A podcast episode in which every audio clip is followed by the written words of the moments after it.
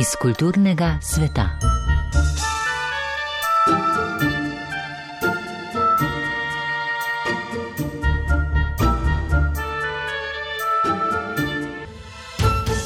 Pozdravljeni, dragi ljubitelji umetnosti in kulture.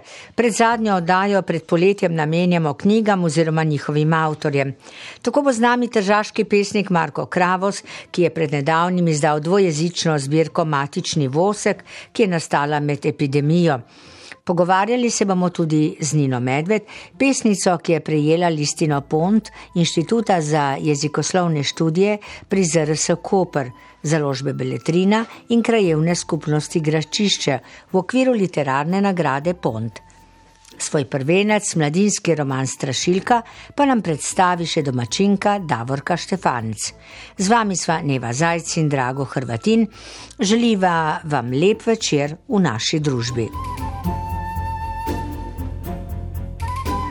Pri založbi Multimedia v Salernu je v maju išla pesniška zbirka Marka Kravosa Čera Matrija, versi e Bocetti, matični vosek, pesmi in beležke.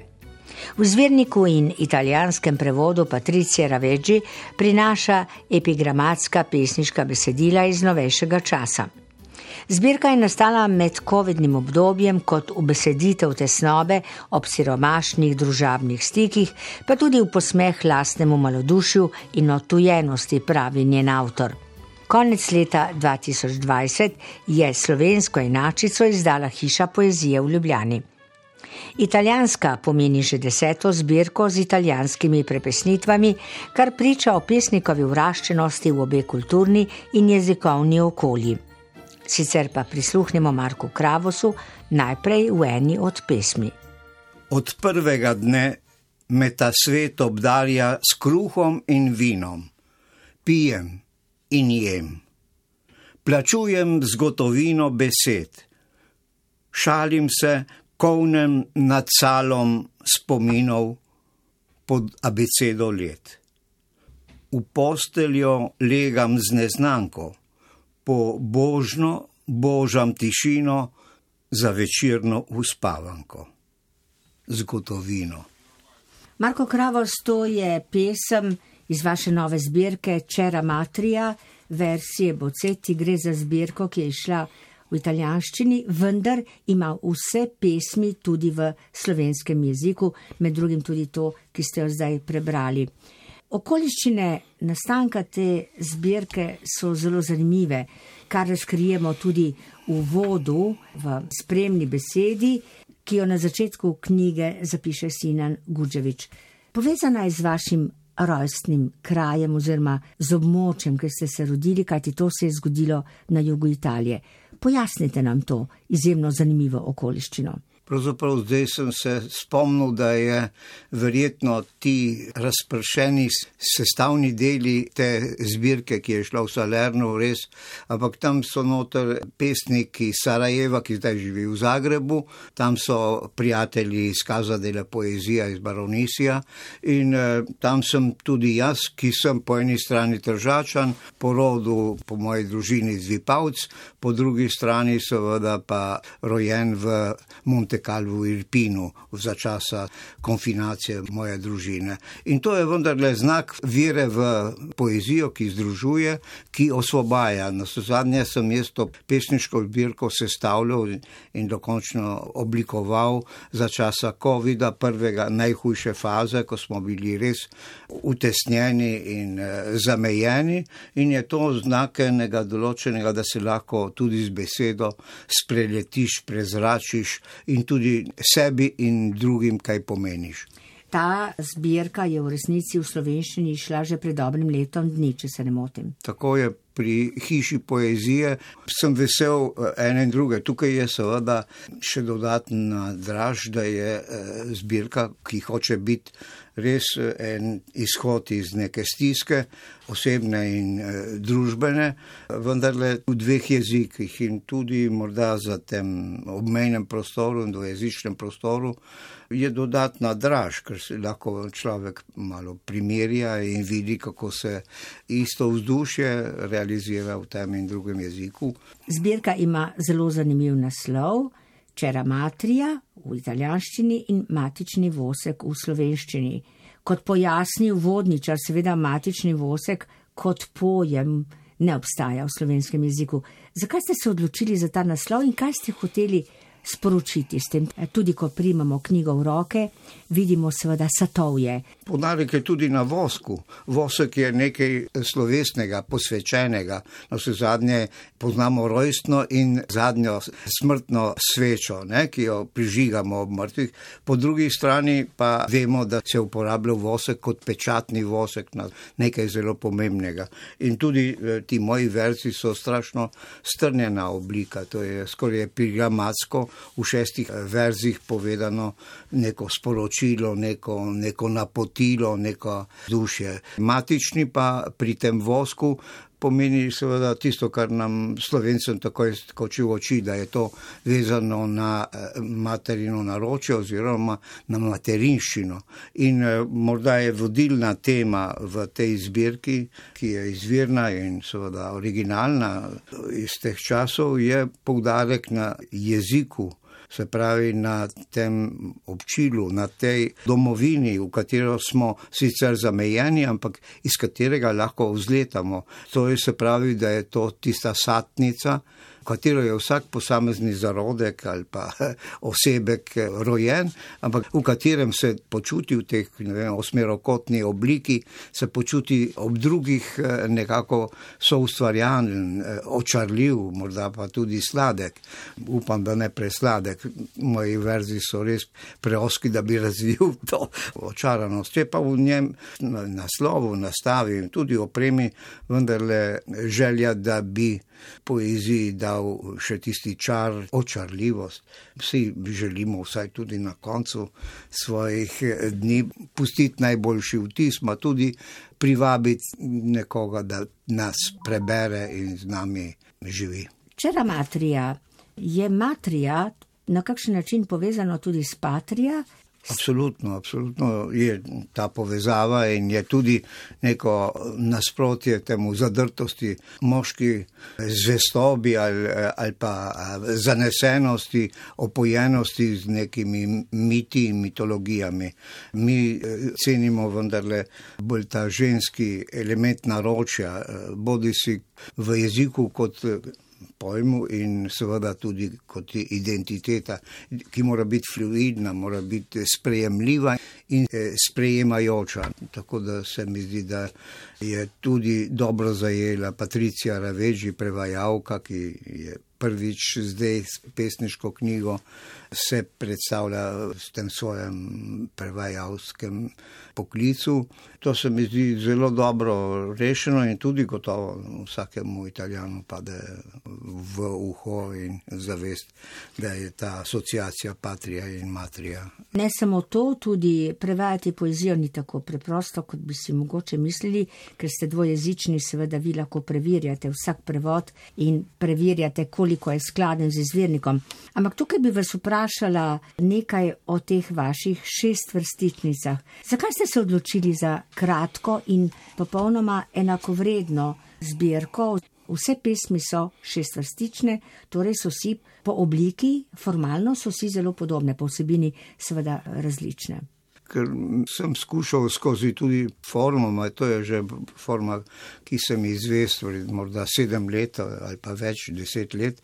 To je seveda samo discipliniranje, potem že na oko človek vidi, da je nek red, da je neka zvestoba tradicij, verzi so verzi, včasih so seveda izpisani mal avangardno eh, z naslovom na koncu, včasih imajo številke in znake na mesto črk, ampak eh, vendarle hočejo to sugerirati. In na vse zadnje so znak eh, o tem, da se pesnik zaveda, da je vsaka beseda izrečena vendarle neko odgovorno dejanje in da je treba vsako pretehtati in spustiti. Tudi če je na vides lahkotna, metulčasta, ampak vendarle mora biti funkcionalna, mora tudi priti do tistega, ki jo jemne za res oziroma bere in želi nekaj doživeti. Ne glede na vsebino oziroma na teme, ki se seveda spreminjajo, pa je vendarle prevladojoča beseda. Zelo pogosto se pojavlja beseda, beseda. Če se ne pojavlja kot beseda, se pojavlja kot izrekanje, izrečeš glagoli. Sveda je logično, da je za vas pesnika pomembna beseda. Kakšno vlogo ste ji namenili v tej zbirki? Ja, še dodatno moram povedati, da ob teh pesniških stvaritvah ki jih je, mislim, 44, sem potem dodal še nekakšne beležke, tudi v naslovu je tudi pesmi in beležke. To so tudi na temo jezika, izražanja, komuniciranja, puščanja sledov, se pravi nekega. Neke kronike življenjske, po drugi strani pa klesanje v neko kamenino, da bi bilo tudi drugim neko, neko vodilo ali neka sugestija. Seveda, jezik, beseda se mi zdi vedno bolj tako po eni strani neka dediščina, neko izročilo mojih staršev in prastaršev, tja do prve sanskrtske sledi v jeziku. Po drugi strani je tudi beseda tisto, kjer lahko tudi mi vnesemo nekaj svojega, neko svojo avtentičnost in izvirnost. Ne samo to, to je vaša dediščina, ki jo puščate svetu kot pesnik. Beseda, zapisana beseda je to, kar boste vi predali naslednjim rodovom. Ja, se, se sam sebi čudim, da še verjamem malo vase, pa še bolj pa v besedo, v tem razbrzdanem svetu, tudi z besedo, recimo inflacioniranem. Se pravi, da res pri mojih letih bi me lahko srečala pamet, ampak neracionalno verjamem v to, v to zgodbo o besedi, da se razvija, oplaja, regenerira da je en ptič Feniks. In predaja, ne? Ja, o tem sem pravzaprav najbolj zgoščeno povedal v tem mm, epitafnem eh, besedilu, ki sem ga dal uklesati na družinsko grobnico pri Katinari, kjer je seveda še tisto staro pokopališče, kjer je še zemlja in tudi z lepim razgledom na krasi in na drugi strani na morje. Pa preberite ja, ta epitaf. Ja, mislim, da je res vredno zemlja beseda, dom spomina, dom semena. Beseda, zemlja, spomin, dom in dom semena. E, želela sem preko ste govorili o besedi prebrati še eno od teh beležk, prav pri pesmi Strah. Kdor pravi, da bi moral človek šteti svoje besede, nima prav. Treba jih je tehtati puščati težke besede za na konec. Kdor ne pride do besede, vegetira. Ni rečeno, da bo dočakal pravico do svobode izražanja, ki ga naredi človeka. Besede so najtežje, ko so neizrečene. Pojasnite nam najtežje besede in neizrečene besede vedno znova se postavljajo človeku, ki je postane nekako odgovoren do svojega okolja, ker brez tega ne bi znal živeti oziroma ne more dihati. In včasih je to okolje postane tako packasto, da je težko dihati. In te beležke so praktično neki besedni skupki, iz katerih bi lahko nastala ena posebna pesem, pa si jo puščam kot eh, gradivo, to beležko, eh, zato da si potem tisti, ki berejo že dodelane pesmi, še stvrstičnice, da tam potem še sam nekaj rovari in sestavlja, in, ali pa vidi, da je, da je še veliko neizrečenega in da je potrebno pri branju poezije eh, nekaj zelo elementarnega, soustvarjalnost. Ne. To bojenje duha, tudi želja po tem, da je pesnikova, moja želja je to izražena, da je tudi nekaj svobode, kadar človek vzame knjigo in da je tisti ima tudi to svobodo soustvarjanja. E, še ena posebnost je tukaj, ki je seveda zelo zanimiva. Ko odpreš e, stran 86, se ti pojavi nekakšna matematika, nekakšne enačbe. Pesem se imenuje Igra na srečo. Kaj je zdaj ta uganka? Kam, kam želite ja, speljati bravca? Že Kosovo je take stvari počel, no, tako da se ne bi delal kaj posebno novega in izvirnega. Po drugi strani sem pa želel tudi se poigravati z neko, nekim faktom iz mojega okolja.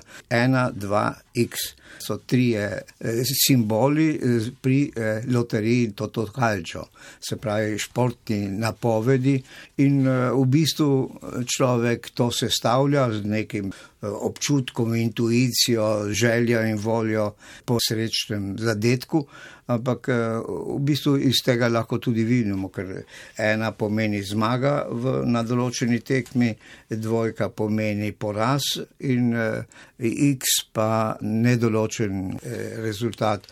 Seveda je v življenju veliko tega In uh, s temi pojmi pač treba vse zreducirati na to, ampak vse čas igrati to srečko, se s tem zabavati, igrati. Igra je tudi pomembna, tako kot humor, kot neka pesem zapeta ob nekem gostilniškem omizju.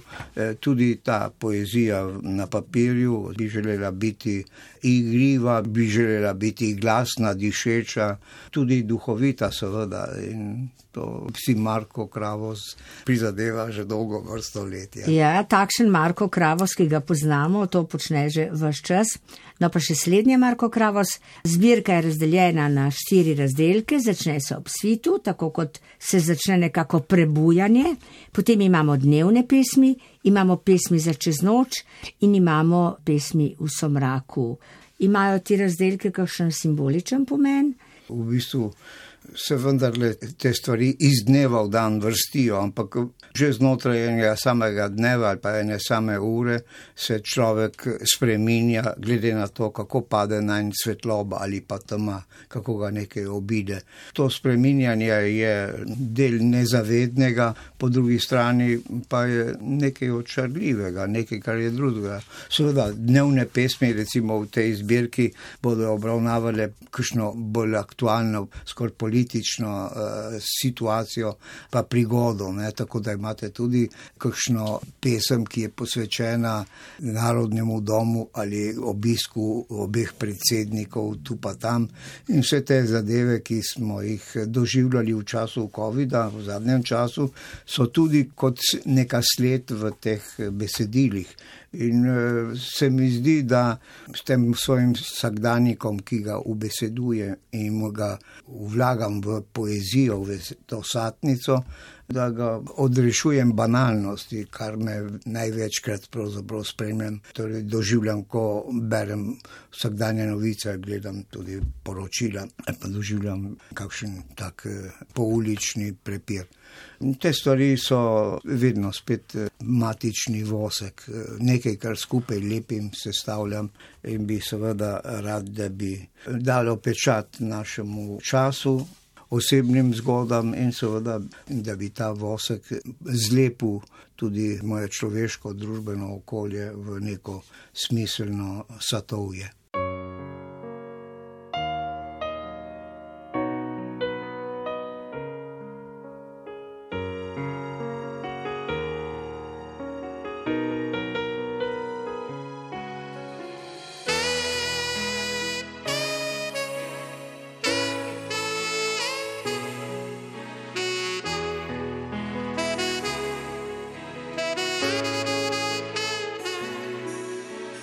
Ricordati di me, questa sera che non hai da fare e tutta la città.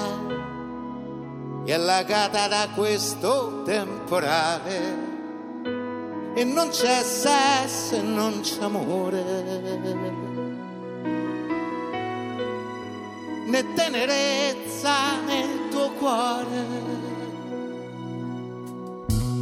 capita anche a te di pensare che al di là del mare vive una città dove gli uomini sanno già volare e non c'è sesso senza amore. Nessun inganno, nessun dolore e vola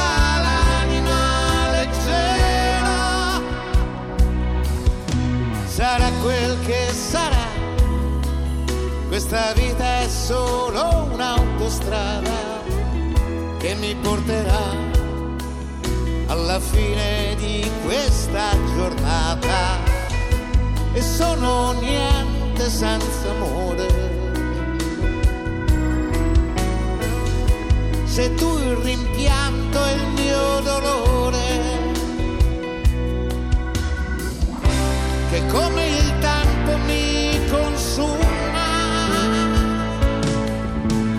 sai o non lo sai, che per me sei sempre tu la sola.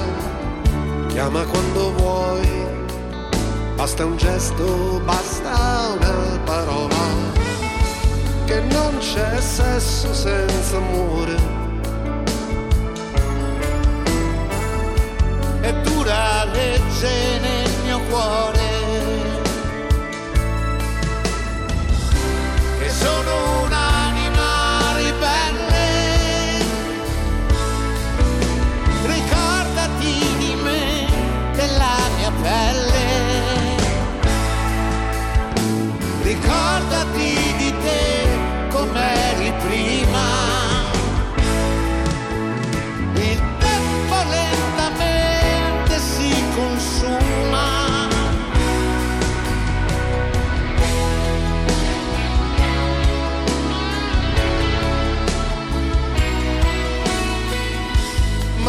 C'è sesso e non c'è amore. Né tenerezza nel tuo cuore. che raramente si innamora. Ricordati di me quando ridi, quando sei da sola. Fidati di me, questa vita e questo tempo vola.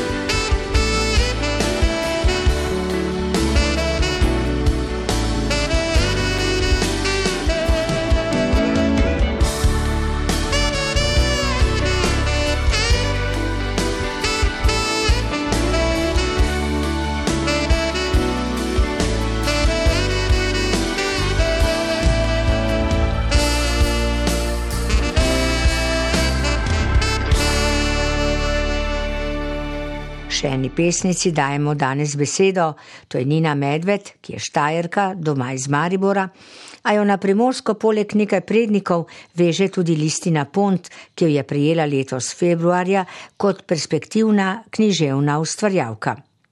Kulturni klub Koper pa je pred nedavnim priredil pogovorno-literarni večer v Kopru. Njen prvenec je pesniška zbirka Drseči svet, ki jo je izdal javni sklad Republike Slovenije za kulturne dejavnosti kot nagrajenki festivala mlade literature Urška za leto 2019. Zbirka je bila nominirana za najboljši knjižni prvenec slovenskega knjižnega sejma 2021. Poslušajmo, kaj nam je Nina Medved povedala o svojih prvih pesniških korakih. V bistvu ljubezen do jezika, do zgodb, do branja, do izmišljanja, ustvarjanja z domišljijo je pač pri meni prisotna že od nekdaj. Je to stvar, ki zrase v otroštvu, oziroma je prisotna, pa potem ne gre. Ne? Pri nekaterih se ustavi, pri drugih pa pač je stalno spremljevalka. In, um, samo pisanje poezije, najprej so bile mogoče bolj zgodbe. Otroci so seveda se pogosteje srečujejo, bomo rekli, z zgodbami, ampak so pa zelo hitro začele prihajati tudi pesmi že v osnovni šoli, kot neka posebej lepa oblika muzikaličnosti besede, nekega ritma, tega, da na nek tak malo magičen način poveš nekaj zanimivega. Se pravi, da je to žanr, ki vam posebej leži. Kaj pa vas navdihuje?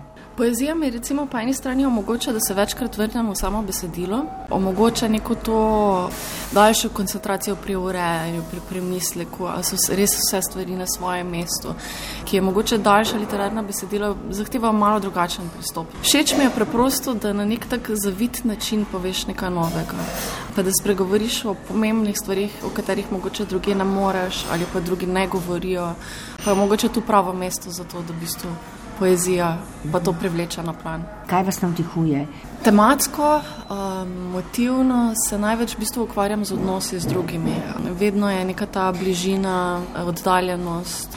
Neka dinamika med dvema osebama, to je lahko tudi človek za živaljo, človek za nekim konceptom, prostorom, skupino. To je najpogostejše pri meni v poeziji. Ja. Moja usmerjenost na zven je tista, ki se mi zdi, ki je moja učiteljica, no? ki mi prenaša neke nove uvide v življenje, spoznanja, lepa doživetja. In, uh, se mi zdi, da se da prav tako s poezijo potovati kot uh, s kakšnim dobrim romanom. Za pesniško zbirko Drseči svet, ki je vaša prva, če je mogoče malce nenavadno, za pesnico, ki je dobila nagrado Pont za mlado, nadebudno oziroma obetajočo ustvarjalko, da ste jo izdali znotraj projekta Javnega sklada za, za kulturne dejavnosti Slovenije, se pravi Urška, ne, to je ta znameniti razpis, ki promovira mlade ustvarjalce. Kako to, da ni šla pesniška zbirka že prej? Za mano je pravzaprav kar dolgo obdobje ustvarjanja. Nikoli nisem hitela s knjigo, ker se mi zdi, da se knjiga res um, premisli, zgosti. Je nek poseben format, no, v katerem potem skleneš te pesmi in sporočila, ki ga želiš dati naprej. Tako da na nek način sama nisem hitela, mi je bilo pomembno res pisati, reflektirati napisano nastopati, objavljati, uh, srečevati druge pesnike. Tako da sem tudi sama zelo pozno začela iskati te priložnosti. Potem pa se je zgodilo tako, da je Urška pač porodila to, to možnost. In sem vesela, ker ne samo, da je tak naziv res lepo spodbuda in tudi nagrada za vso dotedanje delo. Ekipa, ki prevzame tvojo knjigo, ki dela s tabo celo leto, je izjemna. In um, tako udobno, tako lepo sprejeto in uh, spoštljivo, kot delajo z avtorji na JSKD-ju mladimi. Ne znam si predstavljati, da je še kje tako lepo. No. To je pravzaprav za mladega pesnika idealna situacija, ne? ker je vsaka knjiga ima svojega urednika, ampak vendarle, ne, kot pravite, tako skrbno delo je izjemno pomembno pri prvi eh, pesniški zbirki. Prvič se avtor uči to početi, in potrebuje pomoč, drugič pa je to neka zanesljiva, varna roka, ki ga ščiti. Meni se zdi zelo škoda, da mladi avtori dosti krat hitijo s to prvo knjigo, seveda ne, ta žar prve izdaje, prve knjige, ki jo držiš v rokah, ta von papirja je, je krasen, je nepozaben. Ampak sama sem bila od, od nekdaj prepričana, da je bolje počakati, pa to narediti, kot je treba. No.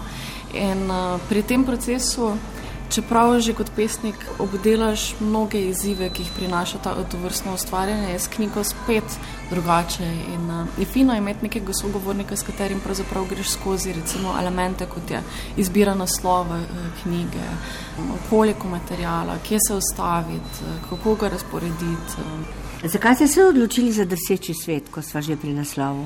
Naslov smo izbirali skoraj dlje, kot je nastavljalo celotno gradivo.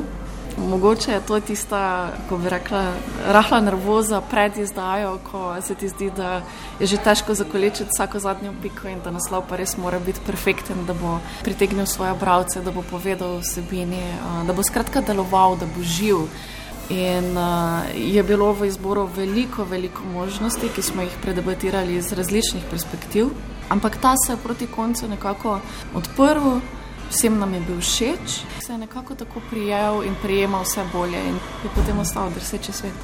Koliko pismi v zbirki in kako ste jih postavili? Zbirka prinaša 47 samostojnih pesmi, brez ciklov, brez naslovov, ki se sledijo ena za drugo. Razporejene so pa v bistvu v neke vrste dramaturški lok. Namreč eh, lirska subjektka, ta mlada ženska, ki pravzaprav pripoveduje te pesmi, je več čas enaka skozi celotno knjigo in je tista, ki pravzaprav bralca vodi skozi neko svojo zgodbo, skozi neko svojo potovanje, odraščanje. In um, na ta način se tudi srečuje z različnimi temami, izzivi, presenečenji v življenju, ki jo potem pripeljajo do recimo neke nove stopnje v življenju, novih pogledov. Zadnja 48. pesem pa pravzaprav povzame vse pesmi odprej. Ima še nadaljevanje? Uh, ja, nove pesmi že nastajajo. Cela knjiga še ni narejena, ampak uh, je tukaj material, so tu.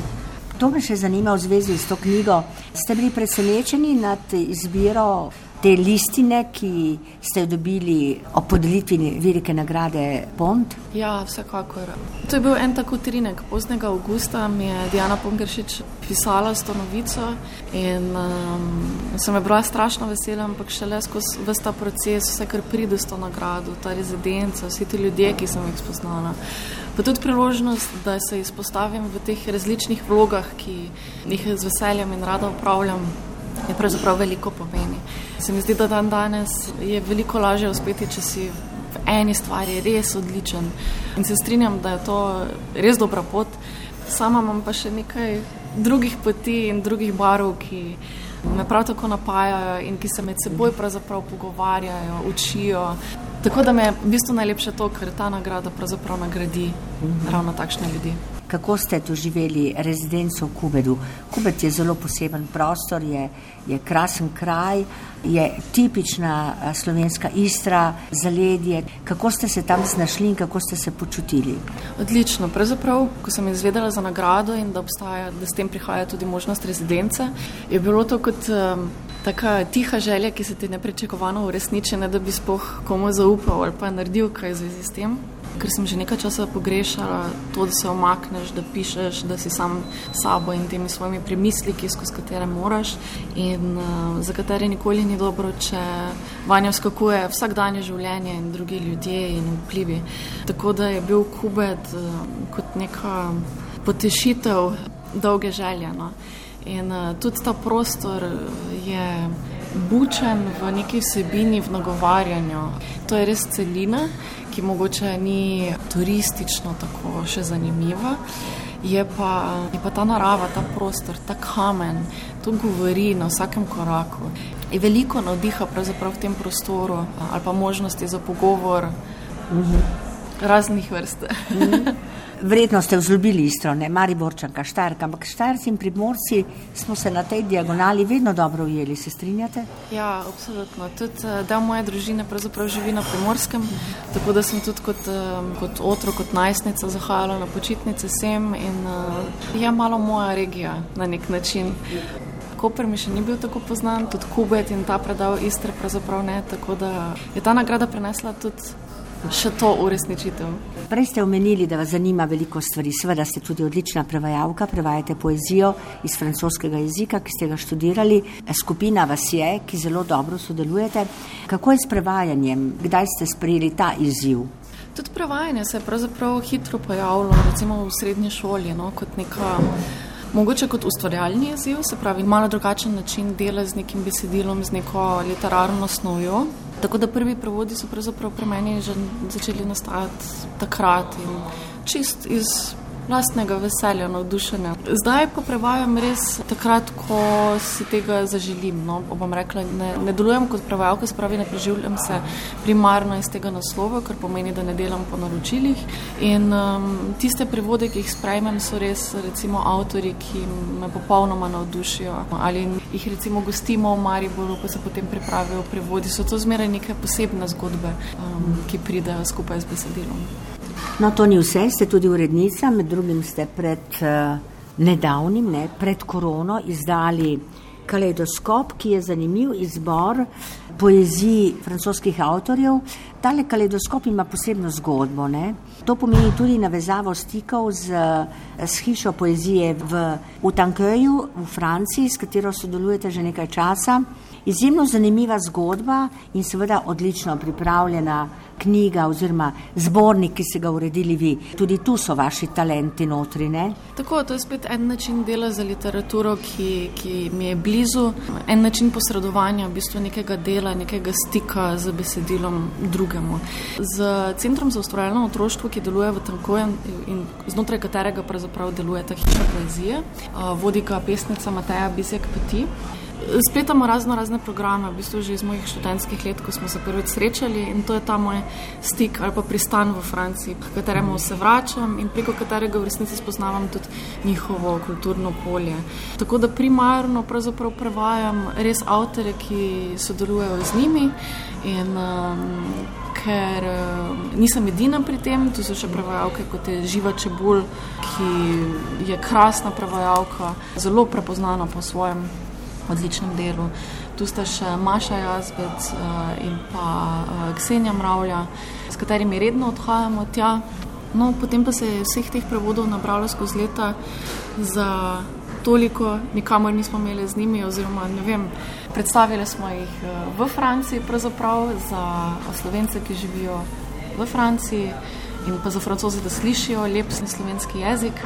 Pa smo rekli, dajmo narediti knjigo, da to zberemo, da, to, da se to ne razgubi v času. In to je ta knjiga. Ampak knjiga stane, kdo vas je podprl? Ta center za ustvarjalno otroštvo v resnici. In gre za nekako izdajo, ki je šla in v Franciji in Sloveniji, oziroma poskušamo z njo nagovoriti pravzaprav obojne, mhm. ker je dvojezična. Se pravi, v Franciji se lahko sreča z enim jezikom, ki je za njo pravzaprav zelo eksotičen in nenavaden slovenskim. In tukaj v Sloveniji imajo ljudje priložnost, recimo, ki se šele učijo francoskega jezika ali pa ga celo obvladajo, da pridejo znova v stik s tem. Ta zgodba se nadaljuje, se še zmeraj obiskujete, imate to izmenjavo? Ja, vsako leto. Ponavadi v sklopu festivala otroške in mladinske poezije, ki ga pripravljajo februarja, prihodnje leto bo deset let. Tako da se pripravljamo na veliko, veliko obletnico. Sama spremljam festival od prve edicije naprej in uh, mi to res veliko pomeni. Je pa tudi dobra priložnost, ko se pravzaprav vsi zberemo na kup, vsi ti avtori tudi pridejo nastopiti s svojimi materiali, me se vrnemo tja, otroci z družinami obiščajo, sejem priredijo za založniki, ki prihajajo iz cele Francije, ki se pripeljajo s svojimi materiali in izdajami.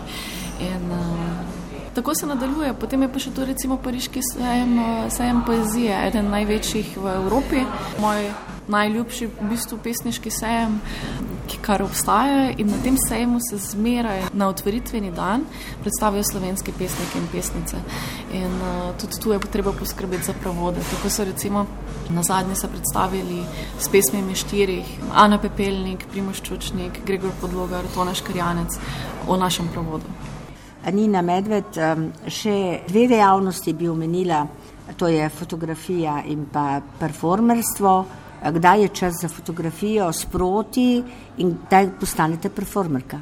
Performance se v bistvu res navezuje na poezijo oziroma na besedo. Ni recimo neka oblika, ki bi me samostojno zanimala, ampak je spet eden od tistih načinov, skozi katerega se mi zdi, da lahko poezija v živo zaživi.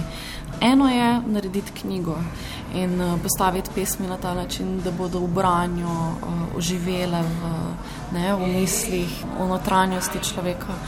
Drugo pa je, ko si ti pred živo osebo in uh, podajaš svojim glasom, svojo prezenco, svojim telesom. Vse te podtone, ki jih skriva neka pesem, uh, lahko malo drugače obarvaš, kot je recimo na papirju, in uh, izhaja pravzaprav iz tega. Fotografija je pa moj drugi izraz, ki deluje popolnoma drugače kot besedno izražanje. Je nekaj, kar pravzaprav misli izklopim, ker deluje telo, deluje pogled. Je, proces ustvarjanja je nem na vznoter za me, ampak mi je zelo ljub in tudi ta občutek za opazovanje, za pogled, za vizualno se enako slika potem tudi v poeziji. Podajate si spet neke svoje uh, in slog pravzaprav. Kje razstavljate? Zdaj že nekaj časa nisem, ampak eh, pripravljam različne projekte, od manjših razstavic do recimo opremljanja pesniških knjig s fotografijo. Tako da se tudi fotografije pravzaprav več čas znajdevajo v različnih formatih in oblikah.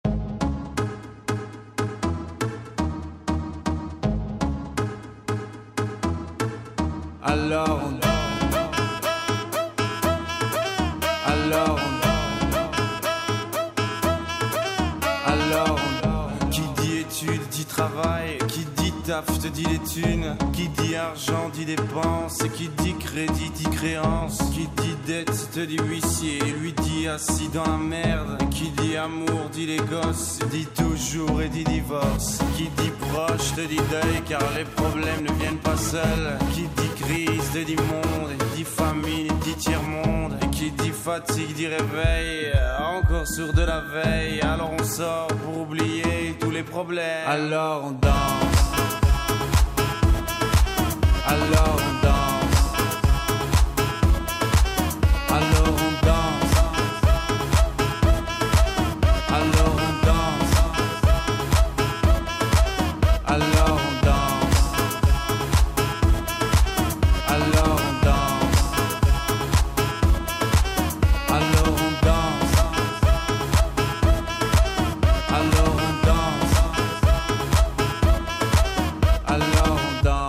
Tu dis que c'est fini, car pire que ça, ce serait la mort. Quand tu crois enfin que tu t'en sors, quand il y en a plus, eh ben y en a encore. Et cela zik ou les problèmes, les problèmes ou bien la musique, ça te prend les tripes, ça te prend la tête. Et puis tu pries pour que ça s'arrête. Mais c'est ton corps, c'est pas le ciel, alors tu te bouges plus les oreilles. Et là tu cries encore plus fort, mais ça persiste. Alors on chante.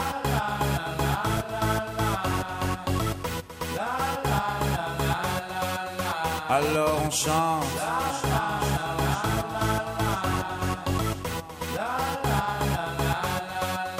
Alors on chante.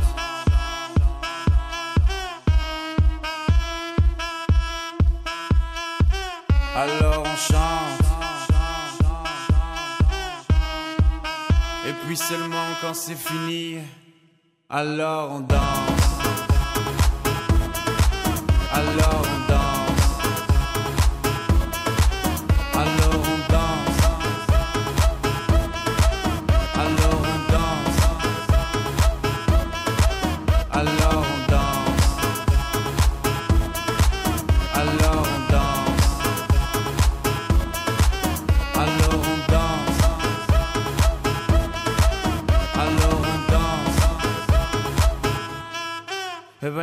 Ben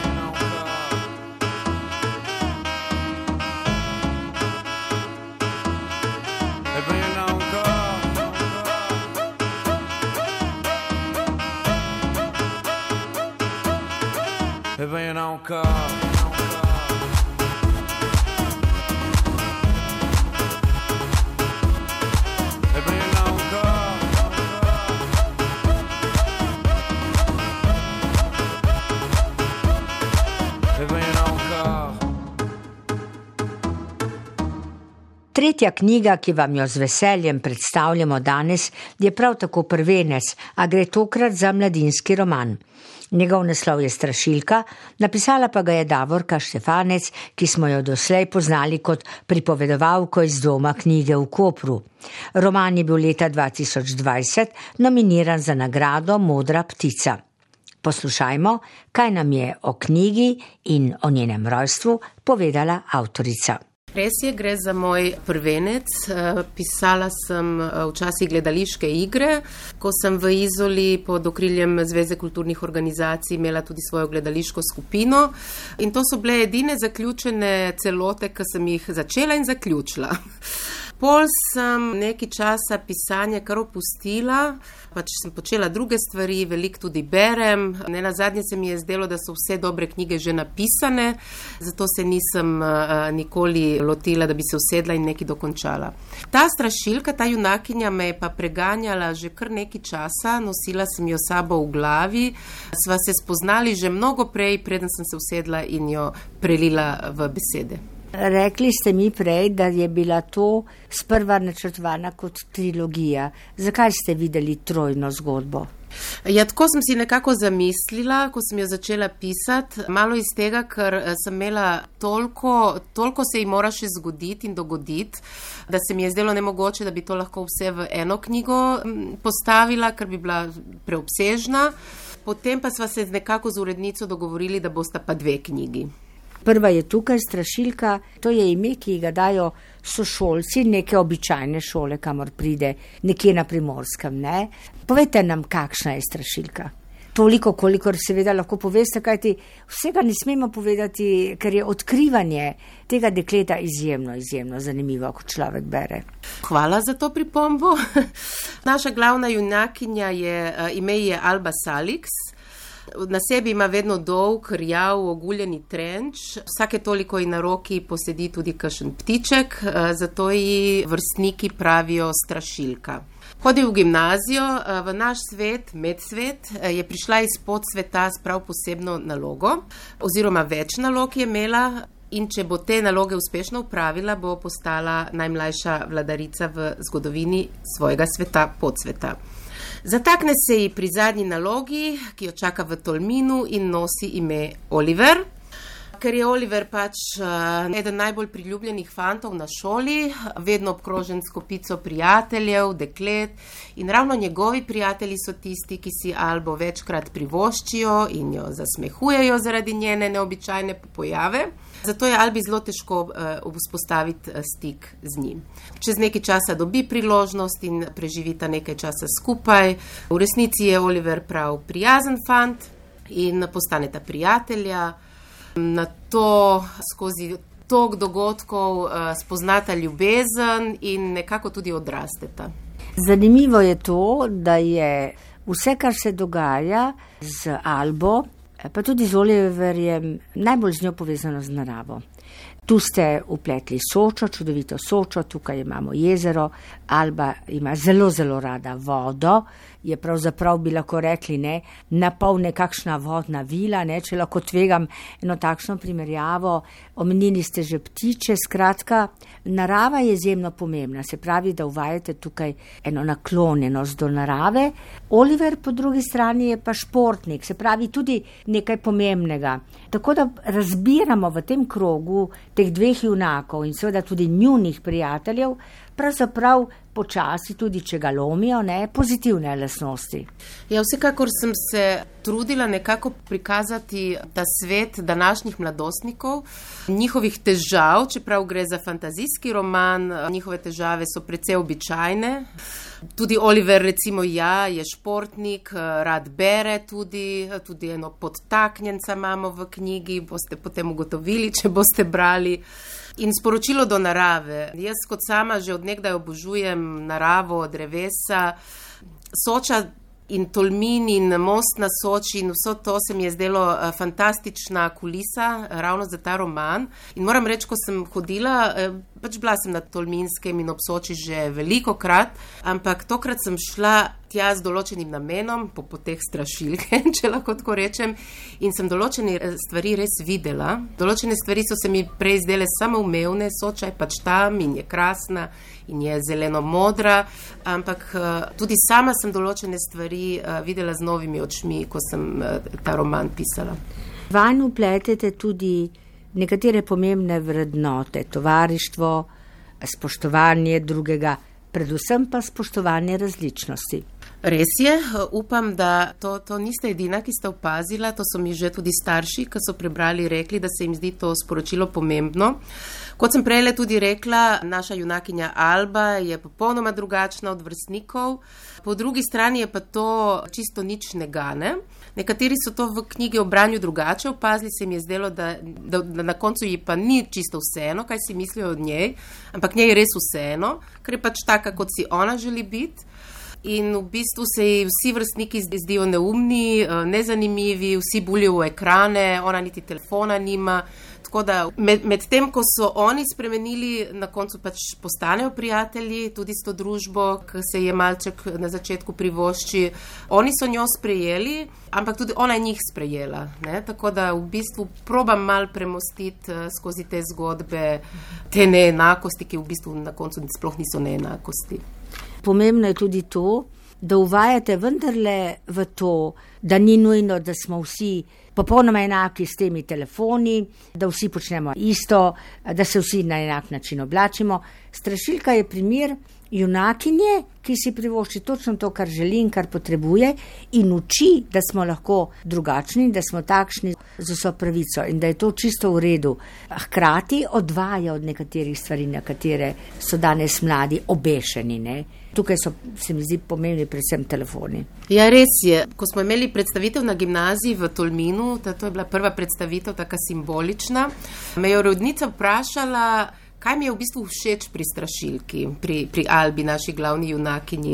In nisem nikoli o njej prej razmišljala tako. In v bistvu sem odgovorila, da mi je všeč, da je, da je neustrašna, da ni vplivalo na nje mnenje drugih, kako naj se oblači. Sicer pol postane malo bolj, malo bolj njim podobna, ampak zaradi drugih zadev. In predvsem je brezkompromisna, ima svoje cilje, svoje naloge in gre do konca, da bi to dosegla. Se ne pusti, ko bi rekla, si ne pusti preveč vplivati. Zelo zanimivo ste zapletli in razpletli to zgodbo. Zakaj ste se odločili za fantazijsko? Lahko bi bili postavili podobne junake v realni svet.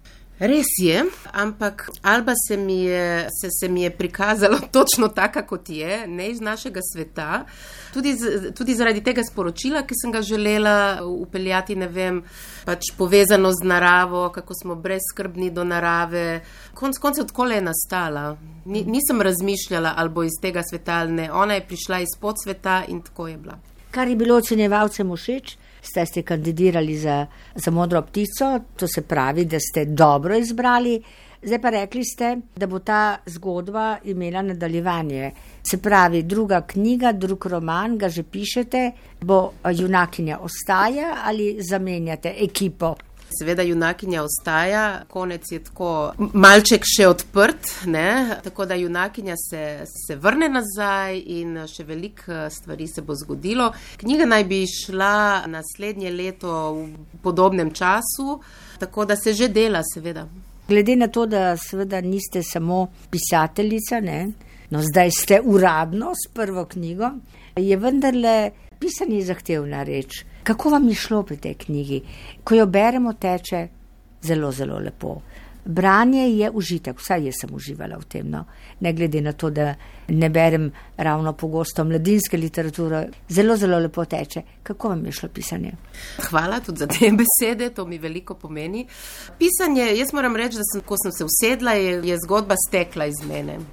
To, da sem se odločila, da bom poslala na modro ptico, je bil dodaten eh, motivacija, kajti sama sem tudi družaben človek in težko je pisanje osamljena zadeva. Moraš se usest, pa se disciplinirati, pa se pripraviti, pa delati, ne vem, kar nekaj ur na dan. Odločitev, da jo pošljem na ta natečaj, me je spodbudila, da sem jo pol res tudi končala. Kot sem rekla, je pa kršla zgodba iz mene. Sicer potem, da je nastala knjiga, je, je zahvala tudi dobri urednici Alenki Veler, ki me je potem eh, prisilila in me motivirala, da sem še globlje brskala po domišljiji in da sem postavila ta svet tako, da res trdno stoji in potem je šele nastala prava knjiga. Kako gre nadaljevanje? Teče tudi to? Jaz upam, da bo teklo enako zanimivo, meni se že zdi.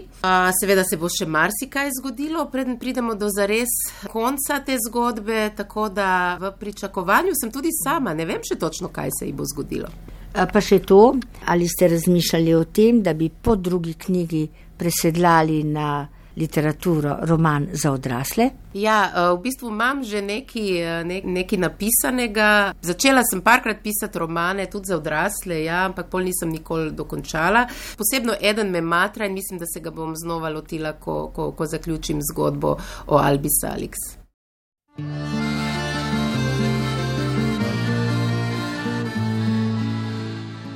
Življenju mi niso pršpereni, blizu zakramenti. Jaz dal sem že skozi svoj krst, an pokoru, an birmu. Imel nekaj pupsem, ma vse so zamenjale firmu. Prijatelji vsi šli so, ali pej so pod zemljo kontenti. Vse lahko pogrešam, a prav vse, samo ne biči klete. Da z njo se banmo, še kaj še bo odpeljati na svoču.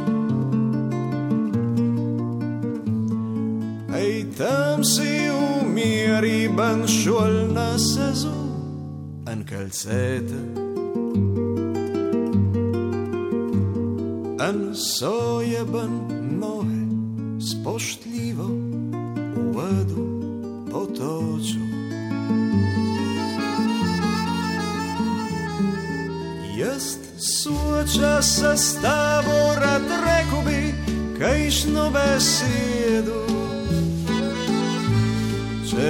Če nečeš, pej neč, ban pej samo te gledu, ko štufa an smatrana tečeš po struji, an delaš tako, ko jaz, tu, kar če drugi. Angelih tako, ko jaz, tudi ti, uhna si gnoja, staramo se, zlata moja, kaj češ. Če štronco rodiš se, štronco umre.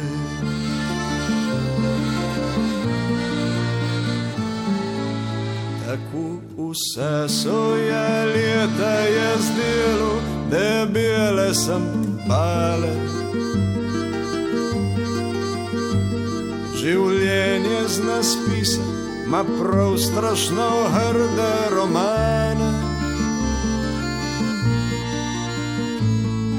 Če slep si anšutas, si zmisliš vse, kajšne ideale. Ma takim, ko jaz sem, na koncu prav nič ne ostane.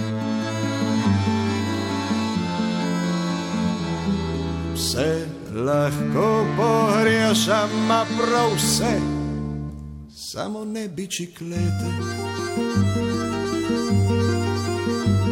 Da z njo se bomo še kaj še bo odpeljati na soču.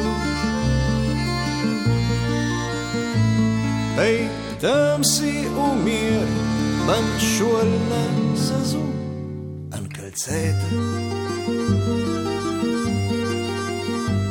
An sojeben nohe spoštljivo v vodu otoču.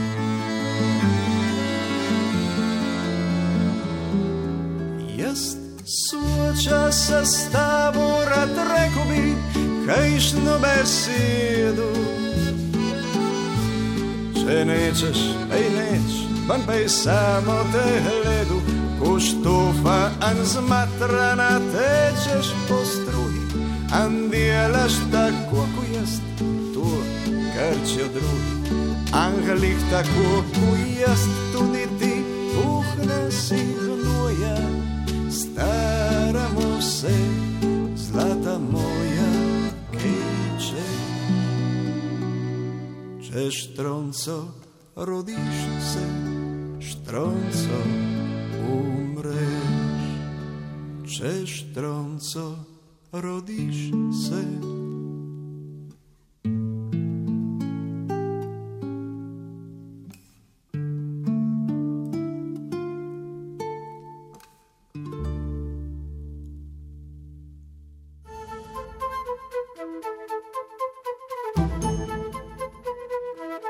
Toliko o knjigah in toliko za danes. Do nekaj priporočil za poletno branje pa boste morali počakati do prihodnje oddaje. Lep večer še naprej in nasvidenje v torek.